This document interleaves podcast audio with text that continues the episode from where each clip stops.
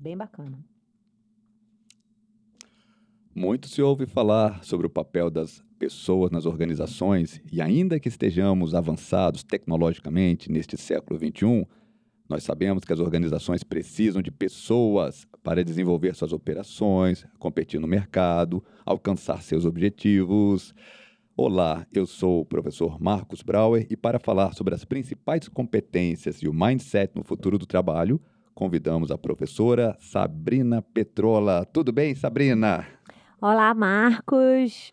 Para mim, claro, primeiramente eu preciso agradecer o convite para estar aqui com você, um profissional que eu admiro, um colega. E vamos junto, porque esse tema todo mundo tem interesse em saber qual é o futuro do trabalho, concorda ou não? Concordo plenamente. Vou te encher de perguntas. Vamos, Vamos lá. lá. A primeira pergunta, Sabrina. No passado, as pessoas eram vistas e tratadas como peças de reposição de uma engrenagem mais importante, a organização. Hoje, ao contrário, elas são consideradas fonte de vantagem competitiva. Você poderia nos explicar como se deu essa mudança de paradigma? Sim, claro. É, para que eu possa explicar de que maneira né, a gente passou né, da força das pessoas, dos músculos para a mente, eu acho que é importante primeiro eu caracterizar o conceito de divisão do trabalho. Né? A história clássica da administração ela tem como características a administração científica. Pela primeira vez a gente tinha a razão, né, abrindo as portas de um conhecimento científico, trazendo para dentro da história das organizações. E nesse momento, né, a revolução industrial bombando, as empresas precisavam produzir. Qual foi o conceito que a gente colocou em prática naquela época? Vamos dividir o trabalho, para isso existia a figura dos engenheiros industriais, que racionalizavam o processo produtivo, dividiam o processo produtivo de qualquer né, item, vamos falar aqui de um carro, em várias partes, e as pessoas eram treinadas, ou por que não dizer adestradas, para desenvolver só uma parte desse trabalho. Essa visão fragmentada do conceito de trabalho, ou da atividade que eu fazia, exigia das pessoas apenas destreza, ou seja, eu precisava da capacidade operacional das pessoas. Mas, muito embora esse conceito tenha trazido enorme eficiência para as organizações, a gente tirou das pessoas aquilo que elas têm mais importante, Marcos, que é a capacidade de pensar. Você não concorda? Concordo plenamente. E, e aí, olha só, é, a, a, história da administração conta que, muito embora isso tenha caracterizado e tenha feito parte das empresas pelo próprio contexto social em que se estava inserido, né? Você não tinha muita competição. Isso permitiu que as empresas ganhassem muito dinheiro com esse modelo. E esse modelo foi copiado por várias empresas ao redor do mundo. Mas as coisas mudaram. Né? Ao longo do tempo, a gente começou a perceber que essa não era a melhor forma de administrar as pessoas e que a gente poderia sim usar aquilo que as pessoas têm de mais importante, que é o seu conhecimento, para promover melhorias nos seus processos de trabalho, nos fazer pensar maneiras diferentes de fazer as coisas, trazer inovações, sejam elas radicais, sejam elas incrementais, enfim. Estamos agora dando às pessoas o seu lugar, né? Aquilo que elas têm de mais importante, que é a capacidade de participar ativamente do processo decisório, das decisões, enfim, de toda a concepção daquilo que a gente entende que é importante dentro de uma organização. Estamos dando poder para as pessoas, Marcos. Estamos tirando a força dos músculos e trazendo essa força para a mente. Lembro de uma passagem de Henry Ford que ele fez uma reclamação. Eu pedi um par de mãos e vocês me trouxeram a pessoa inteira. Esse tipo de gestor provavelmente está com dias contados, né? É o gestor hum. jurássico, vamos assim dizer, né? Essa visão fragmentada do mundo do trabalho, certamente ela não cabe mais é, nos dias de hoje. E eu preciso cada vez mais de pessoas que tenham capacidades, olhares múltiplos, até porque vão trabalhar em times multidisciplinares. E é importante que a pessoa venha, como a própria frase diz, inteira para participar ativamente desses processos de produção. Outra pergunta Alguns gestores costumam dizer que o século XXI já foi denominado como período da guerra pelos talentos. Por que, que isso acontece? faz parte dessa própria mudança cultural que a gente está vivendo nos dias atuais. Né? Antigamente eu contratava as pessoas pela força de trabalho, pela destreza, pela capacidade de operar, né? de desenvolver uma atividade. Hoje eu quero empregados que possam pensar, que possam me ajudar, que possam desenvolver maneiras diferentes de fazer as coisas, que possam questionar a propriedade daquilo que fazem. Na verdade, eu não quero mais treinar um empregado dentro daquele modelo de organização qualificada. Né? Eu treino e a pessoa executa. Eu quero uma pessoa que vai ser sim treinada, vai ser sim educada, mas eu quero que ela tenha a capacidade de pensar: será que isso que eu estou fazendo realmente é a melhor forma de desenvolver minha atividade? E aí o que acontece, Marcos? Nós não estamos, infelizmente, isso é um problema do nosso próprio sistema educacional brasileiro, preparando as pessoas para pensar. É, como é que você aprendeu o alfabeto? Foi A, B, C, D, E. Nós, infelizmente, ainda educamos as pessoas para pensarem como máquinas, mas nós precisamos de gente que questione. Por que, que do A vai para o B? Do A vai para o B, eu tenho infinitas possibilidades, infinitos caminhos.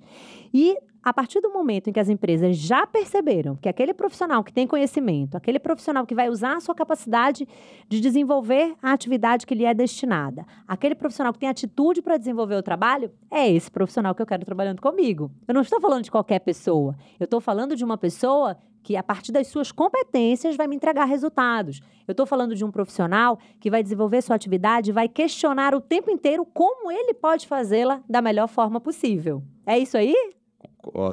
Eu sempre reforço nas minhas aulas, seja crítico, não concorde comigo, vá investigar. Será que eu estou falando correto? Faça como os berianos, era um, um povo que questionava, ia para o livro lá, está correto ou não. Então, essa, esse, essa, como é que eu posso falar? Essa falta de crítica nos jovens é um problema que precisa ser trabalhado. E uma pergunta, Sabrina. Hum. A McKinsey, né, eh, fez uma empresa de consultoria McKinsey fez uma pesquisa na qual os resultados mostram que 14% dos trabalhadores do mundo precisarão migrar de atividade até 2030. O que, que nos leva para essa situação? Bom, nós estamos vivendo a quarta revolução industrial, né, em que a gente está vivendo realmente uma mudança completa de paradigma. É, antigamente eu costumava dizer para os meus alunos: o futuro é amanhã, mas agora não posso mais dizer essa, essa frase. O futuro é hoje, o futuro ele já está acontecendo. Então, outro dia desse eu estava lendo uma matéria sobre como é que eu vou né, me relacionar com um colega de trabalho que não vai ser mais humano, que vai ser um robô. E aí, será que eu estou pronta para esse tipo de relacionamento? Como é que eu vou lidar com essa situação? É, o mundo do trabalho, ele hoje está exigindo das pessoas, você tem automatização de processos, então tudo aquilo que é mecanizado, tudo aquilo que você não precisa pensar, obviamente será automatizado. É, um outro dia um aluno me fez uma pergunta que eu achei muito interessante, mas professor, isso é ótimo, né? Porque máquina não pensa, máquina não fica doente, máquina não tem filho, máquina, enfim, não briga com um colega de trabalho. E aí eu disse assim, bom, mas ainda que exista toda uma inteligência artificial que está fazendo um convite para que as máquinas possam pensar, elas ainda não pensam como nós humanos. E aí, toda essa capacidade que a gente tem enquanto humano de ser criativo, de ser inovador, de processar algo que antes a gente nunca viu, de ter um insight, isso ainda é das pessoas. Qual é o cuidado que a gente tem que ter, levando em consideração essa questão de atividade? Você, enquanto profissional, será que você consegue responder essa pergunta? Por que, que eu estou aqui? Por que, que as pessoas ainda estão pagando o meu salário? Por que, que eu sou tão valioso para essa empresa? Certamente você vai responder que a empresa te mantém não apenas pelo tipo de atividade que você faz, principalmente se ela for mecanizada. E se ela ainda está te mantendo, é porque ela ainda não teve como automatizar esse processo. Então, até para mim, enquanto professora, acostumada em sala de aula, dar aula presencial, hoje a gente sabe que as modalidades de ensino à distância só crescem a cada dia. Então, eu preciso me reinventar, até na minha profissão. E aí, o segredinho que eu vou deixar agora é: e você, como está se reinventando lá naquilo que você faz? Isso me deu uma nova pergunta. Uhum. Quais são as competências mais valorizadas no mundo de trabalho e por quê? Tá. É, hoje a gente costuma dividir né, as competências em aquilo que a gente vai chamar de competências técnicas e competências comportamentais. O mercado hoje usa muito uma expressão em inglês que a gente chama de hard skills e soft skills. Qual é a diferença entre elas? Bom, Hard skills são competências mais técnicas, são competências que vêm demandadas de um ramo específico da indústria, de uma, de uma área. É todo o conhecimento técnico que você desenvolve ao longo da vida, num treinamento, enfim, num curso superior, num curso técnico, para desenvolver um determinado trabalho. As competências socioemocionais, ou as soft skills, são diferentes. São as nossas competências socioemocionais. Hoje, o mercado, as principais agências de recrutamento no Brasil costumam usar uma expressão. Você é contratado pelas suas competências técnicas, ou seja, pela hard skills, mas o que te mantém no emprego são as suas soft skills. Veja, num mundo tão digital, em que tudo aquilo que eu conheço vai ser automatizado, o que valerá de fato é a minha capacidade de ter o pensamento crítico, de questionar, de desenvolver capacidade de negociar, gerenciar conflitos, a minha inteligência emocional, comunicação, pensamento analítico, porque você vai ter todo uma, um conjunto de inteligência de dados e informações, mas a questão não é ter só os dados e as informações, mas como você vai trabalhar isso dentro do seu espaço de trabalho. Então, tudo isso são competências mais socioemocionais. Se a gente for pegar aí um, uma dica aí do que aconteceu no Fórum Econômico Mundial, olha só.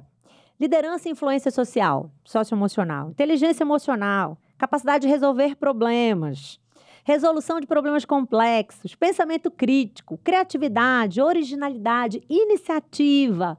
São competências socioemocionais. E você só vai conseguir desenvolver essas competências se você estiver aberto para se autoconhecer. Se você começar a ver de que maneira você de fato está colocando isso no dia a dia do seu trabalho.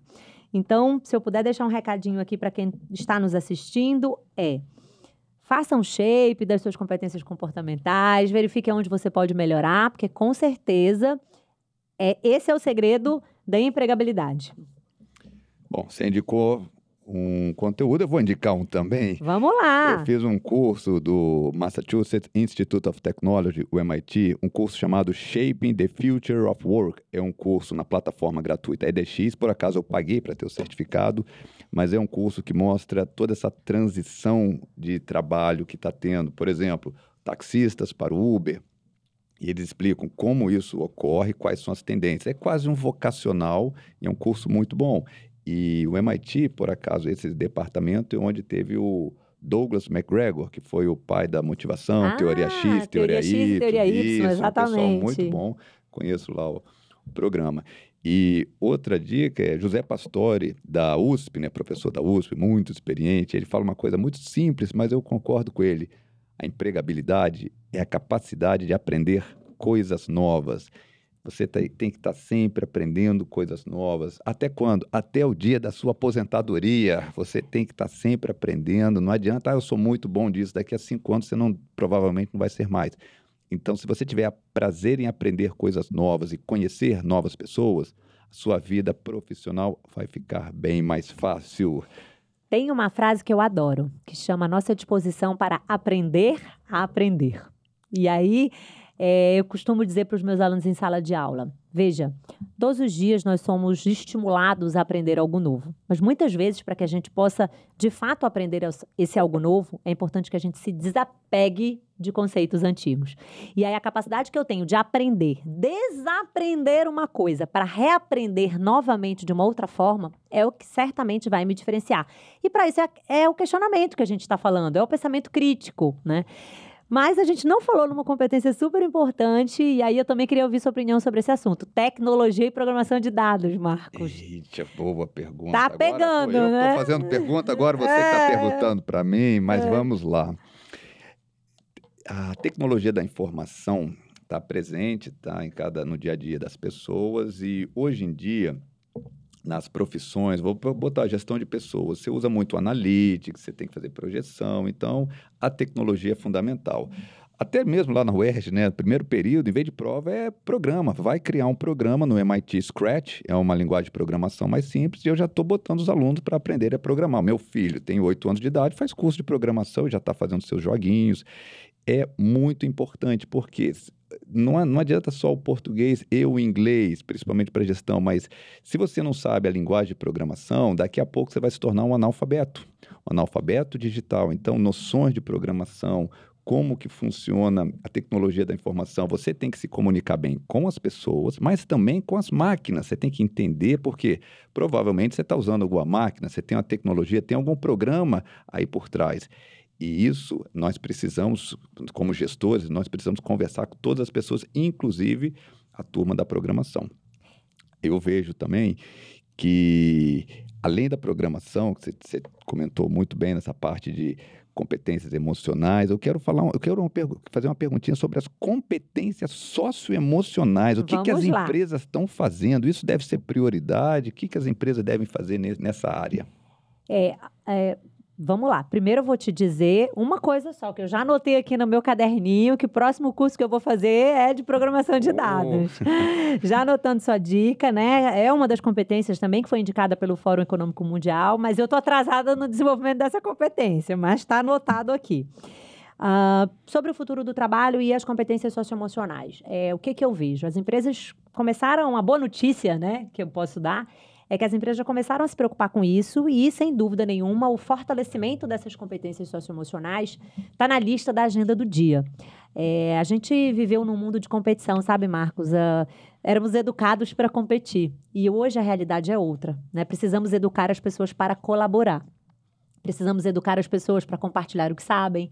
Precisamos educar as pessoas para respeitar o próximo. Precisamos educar as pessoas para desenvolver tolerância. Né? E tudo isso é muito importante, porque você hoje vive em ambientes multiculturais, plurais. Você vai trabalhar com pessoas que têm um mindset, né, um modelo mental completamente diferente do seu. Se você não foi educado para se comunicar com essa pessoa, para discordar, se você não foi educado para ampliar sua visão de mundo, que eu acabei de falar, porque muitas vezes eu decido levando em consideração a minha perspectiva, mas eu esqueço do outro, olhar sobre a perspectiva do outro. E enfim, é, as empresas já colocaram na agenda né, de que isso precisa ser uma prioridade para que a gente possa preparar as pessoas para esse novo mercado de trabalho, porque também é uma responsabilidade nossa. Se os estudos indicam que as atividades serão automatizadas, é responsabilidade das empresas né, tomar para si essa responsabilidade de educar sua força de trabalho para desenvolver novas competências, para que elas possam, inclusive, ser aproveitadas desenvolvendo outras atividades, para que a gente não tenha aí um um monte de gente demitida. E isso não, faz, não é bom para ninguém, não é bom para o nosso país, né? Um Estado nacional forte é feito de empresas fortes e a gente precisa. Empresas fortes são feitas de pessoas comprometidas e qualificadas. Não é de qualquer pessoa que a gente está falando, a gente está falando de gente comprometida. Outro ponto, é, é muito fácil você desenvolver um conhecimento técnico, né? Você põe um empregado numa sala de treinamento e você ensina a fazer uma planilha, e aí ele vai fazer a primeira, segunda, terceira vez, mas depois de um tempo, né, a gente sabe que ele vai aprender. Mas ensinar competência comportamental, desenvolver competência comportamental, ensinar uma pessoa a se comunicar, a ser um líder, acho que dá mais um pouquinho de trabalho, concorda ou não? Concordo. E é, inteligência emocional, como é que é possível melhorar a inteligência emocional? É possível? Bom, tenho um autor, né, muito famoso, todo mundo indica, que é o Daniel Goleman, mas antes disso eu queria falar um pouquinho de autoconhecimento, né? Eu acho que é muito importante a gente falar do autoconhecimento. Eu, enquanto empregado, enquanto pessoa, enquanto profissional, será que alguma vez eu já refleti sobre quais são meus principais pontos fortes? Será que eu sei onde é que estão as minhas fraquezas, onde é que eu preciso melhorar, onde é que eu preciso desenvolver? A gente tem muito, muitos, muitas pessoas, muitos profissionais muito bons tecnicamente, mas que não sabem se relacionar. E a gente tem muitos profissionais que sabem se relacionar, mas não são bons tecnicamente. Então é importante que a gente reconheça que a gente precisa se desenvolver dentro desses dois grupos. É claro que a gente está falando aqui da importância das competências socioemocionais, mas eu preciso fazer esse autoconhecimento, né? Eu, Sabrina, eu, Joana, eu, Maria, eu, José. Onde é que eu tenho de ponto forte? Usar os meus pontos fortes. Escolher carreira, uma atividade que demanda os meus pontos fortes. E não esquecer que eu preciso desenvolver os meus pontos fracos. A partir daí, é, você começa a pensar em como você vai desenvolver sua, né, as suas inteligências. Então, você vai ter a sua inteligência mais racional, né, que que está atrelada aí a conhecimento técnico que você tem, um QI específico. Mas e a minha inteligência emocional? É, e a minha capacidade de me relacionar? Quantos de nós já fizemos julgamentos sobre outras pessoas? Quantos de nós já não nos comportamos adequadamente quando tivemos que negociar um conflito dentro de uma empresa? E uma empresa é um palco de conflitos. Não adianta a gente dizer que não tem conflito, porque a gente está é, é, inventando, trazendo para uma realidade que é utópica, que não faz parte do, do dia a dia de um ambiente corporativo que nós estamos acostumados. Claro que a inteligência emocional é super importante, é, a gente precisa aprender a conhecer as nossas emoções. Veja, uh, você, você. A ideia de eu controlar as minhas emoções. Não, eu preciso entender como é que eu tendo a me comportar para aprender a respirar, para ter qualidade de presença, que é o que a gente chama, para não ser impulsivo nas minhas relações, para que eu possa, antes de falar, pensar o que eu vou dizer, escolher a maneira mais adequada de dizer aquilo. Tudo pode ser dito, mas depende de como pode ser dito. E a diferença está na maneira como a gente gerencia as nossas emoções e a inteligência emocional que a gente tem para lidar com todas essas diversidades que fazem parte do dia a dia de um profissional contemporâneo. Um autor que eu admiro muito, Jeffrey Pepper, da Universidade de Stanford, teve, criou agora um livro, né, Morrendo por um Salário, que fala que a área administrativa hoje em dia tem mais problemas de saúde do que as indústrias, do que as indústrias como de carvão e outras parecidas, indústria de óleo e gás. O número de pessoas que está passando por problemas de depressão, é, consumo de drogas, até suicídio, vem aumentando. Um, um TED que eu recomendo de Andrew Solomon, O Demônio do Meio-Dia. Andrew Solomon passou por depressão, ele conta isso em detalhes e é interessante ver como é que as pessoas têm um preconceito sobre a depressão. Um outro autor, a nacional, Israel Belo de Azevedo, tem mais de 60 livros, ele tem um livro Diante da Depressão e mostra como as pessoas menosprezam. Ah, acho que é uma coisa normal, uma, é, uma, é uma frescura. Não é. Depressão, realmente, problema grave. Outro problema que eu fico vendo, principalmente em alunos e colegas de trabalho, medo, medo do fracasso, medo do sucesso, medo do desconhecido, medo do conhecido. Então, é, as pessoas deixam de tentar por causa de medo. A Bíblia, por exemplo, tem 366 versículos dizendo não temas. Parece até que é um para cada dia do ano, sendo o ano bissexto. Então, como superar o medo, como superar, como não ter medo do fracasso, é outra competência que eu fico observando que as pessoas precisam desenvolver. Não adianta ter um QI bom, olha, eu tenho meu CR muito bom, mas isso não é suficiente, não concorda? Plenamente. É, tem um TED muito famoso, né? Tem até um documentário também que a gente pode recomendar para que as pessoas possam assistir, que chama O Poder da Vulnerabilidade. O quanto nós precisamos nos tornar vulneráveis e no mundo em que vivemos, né? Para arriscar. Arriscar sem medo de ser feliz, arriscar em fazer uma coisa nova. Uh, muitos profissionais ainda são tolhidos dentro dos ambientes de trabalho porque não tem espaço para desenvolver novas ideias. Né? A punição ainda, infelizmente, é, a gente sabe que acontece na maioria das empresas, mas a gente precisa sim estimular que as pessoas tentem. A gente precisa entender que a vulnerabilidade, ao contrário do que a maioria das pessoas pensam, não é algo negativo. Ao contrário, pessoas quando ficam vulneráveis são pessoas que são confiantes porque elas estão se expondo ao erro. E aí tem um documentário de uma autora que chama Brené Brown, que é maravilhoso e eu indico para que todos possam assistir. O tempo está chegando ao fim. Que a pena, última pergunta, só para encerrar, saideira. Tá. Uma última pergunta. Como os profissionais vão conseguir se diferenciar das máquinas e permanecerem humanos em um mundo tão digital? Olha, Marcos, eu acho que nós vamos precisar usar a empatia, sabe? Aprender a nos colocar no lugar das pessoas, nos relacionarmos bem com essas pessoas. Essa capacidade da gente agregar, de formar times, trabalhar de forma colaborativa. É, acredito que to todos nós aqui, você, eu, quando você toma uma decisão sozinho, você toma uma decisão que nem sempre é a melhor. Quando você se reúne com seu grupo para fazer um trabalho até acadêmico, que você ouve várias pessoas, fica melhor. Quando você toma uma decisão no ambiente de trabalho, fica melhor. Quando a gente aprende a se colocar no lugar do outro e ouvir o que o outro tem a dizer, a gente abre a nossa capacidade, né? amplia a nossa visão de mundo, é diferente. Então, eu acho que a gente precisa ser humano. Eu acho que a gente está pensando muito em ser digital. É, acho que a gente tem que ser high-tech. Todos nós precisamos ser high-tech. Mas vamos ser high-softs também? Né? Esse é o segredo que eu deixo aqui. E essa é a minha dica final.